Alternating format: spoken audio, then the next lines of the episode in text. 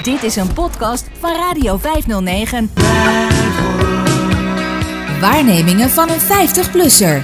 Inge's column bij Radio 509. Wie Kroepstaal. Ik vind mezelf best iemand die met anderen mee kan leven. Oké, misschien niet met de hele wereld, maar de mensen in mijn directe omgeving kunnen over het algemeen op mijn aandacht rekenen als ze daar behoefte aan hebben. Dat hoop ik tenminste.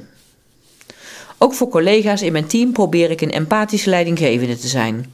Dat valt me zeker niet altijd mee, moet ik bekennen. Ik heb zelfs de indruk dat me dat de laatste jaren wat moeilijker afgaat. Ik vraag me wel eens af hoe dat komt. Is er iets mis met mij? Ben ik misschien gewoon niet zo aardig van huis uit? Of komt het doordat ik al vrij lang leidinggevende ben en inmiddels alle kwaaltjes, huiselijk leed en kinderzorgen meer dan eens heb horen langskomen? De coronatijd moet heerlijk zijn geweest voor de hypochonders onder ons. Bij het geringste hoesje of snottertje kon je volkomen gelegitimeerd thuis blijven en elk contact met je medemens mijden. Ik ken verhalen van andere teams binnen de universiteit waar mensen al thuiswerkend op die manier volkomen van de radar verdwenen en na enige tijd met geen enkele collega meer contact hadden, zodat niemand wist wat hij of zij nu eigenlijk aan het doen was. Gelukkig is dat in mijn team met niemand gebeurd. Maar ik vond het wel moeilijk dat er altijd wel iemand in quarantaine zat of aankondigde voor de zekerheid maar thuis te blijven vanwege een nare hoest of een loopneus. Ik ken mensen die het akelig vinden dat ze nu in volle treinen weer geconfronteerd worden met onbekommerd om zich heen hoestende medeforensen. Ik heb daar zelf geen last van. Ik vind het zelfs wel geruststellend, dat gerochel en gesnotter om me heen. Zo moet het zijn. Het is tenslotte winter. Het bewijst voor mij dat die vreselijke coronatijd, godzijdank, echt heel erg voorbij is. Het is zelfs enigszins geruststellend om in ouderwetse verkoudheid op te lopen.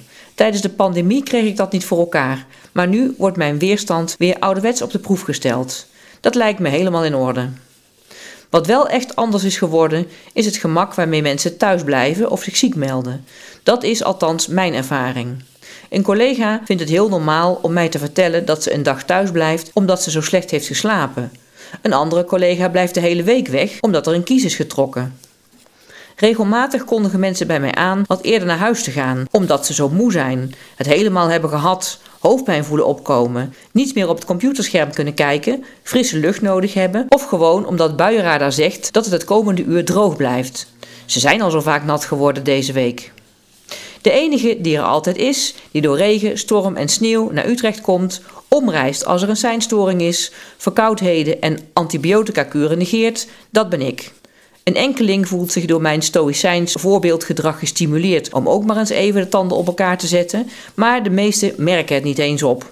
Of misschien vinden ze mijn vanuit werkgeversperspectief gezien voorbeeldig gedrag en grote loyaliteit alleen maar bloedirritant. Dat zou het inderdaad kunnen zijn als ik het expres deed. Als ik probeerde mijn collega's een lesje te leren over arbeidsethos. Maar dat is het niet.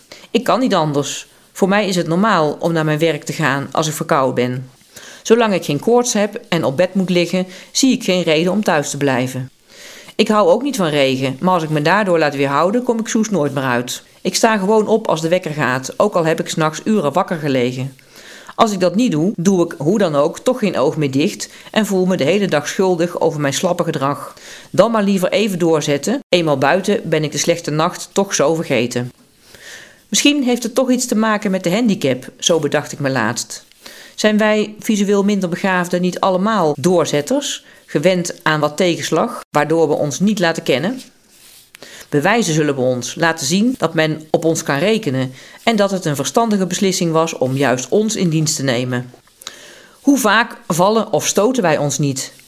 Een kort moment van onoplettendheid kan al genoeg zijn voor een wond of verstuiking. En dan valt het nog mee. Een pols of sleutelbeen is zo gebroken. Ik heb altijd wel ergens een blauwe plek of bult waarvan ik me de herkomst niet eens meer herinner. Gewend als ik ben om dat soort pijnlijke en vaak ook vernederende ongelukjes te negeren.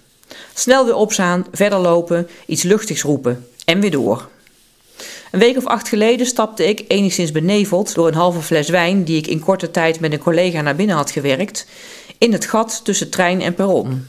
Ik dacht oprecht dat er niets aan de hand was, want mijn kleren waren heel en ik voelde nergens pijn. Dus ik sloeg de aangeboden hulp van omstanders geroutineerd af en liep snel naar huis, waar ik een bloedbad aantrof in mijn schoen. De wond aan mijn been is nog steeds goed zichtbaar. Gelukkig is het geen zomer, denk ik dan, geen weer voor blote benen. Een vriendin en lotgenoot vertelde eens een zeer herkenbaar verhaal. Ze liep al bellend het gebouw in waar ze woonde. Toen ze haar appartement in wilde gaan, vergat ze de hoge drempel bij haar voordeur en viel ze lang uit haar eigen gang in. Ze zei dat het direct behoorlijk veel pijn deed, maar dat ze onverstoorbaar door had gepraat. De persoon aan de andere kant van de lijn had niets gemerkt. Ik begreep dat direct. Zo had ik het zeker ook gedaan. Het instituutsleven heeft ook vast in bijdrage geleverd aan de reflex om je niet te laten kennen en gewoon door te gaan. Op de Wijnberg was je alleen ziek en mocht je in bed blijven als je temperatuur minstens 38 was. Het is me een paar keer overkomen dat ik bij het opstaan zelf vond dat ik ziek was, maar dat de thermometer anders aanwees. Waardoor ik me alsnog moest aankleden en de vernedering ondergaan van het haastig en te laat aansluiten bij de groepsgenoten aan de ontbijttafel. Ontmaskerde stimulant. Daar word je hard van. Die kroepstaal, zei mijn vader vroeger dan altijd. Het was een grapje en een verwijzing naar de reclameslogan van een Duitse merk. Mijn vader en moeder waren nooit streng, maar altijd begripvol en geduldig voor ons. Ze leerden ons wel dat de wereld niet zat te wachten op watjes en dat je iets kon bereiken met doorzetten. Waarschijnlijk maakten ze zich ook wel wat zorgen of wij met onze handicap wel mee zouden kunnen komen in de maatschappij.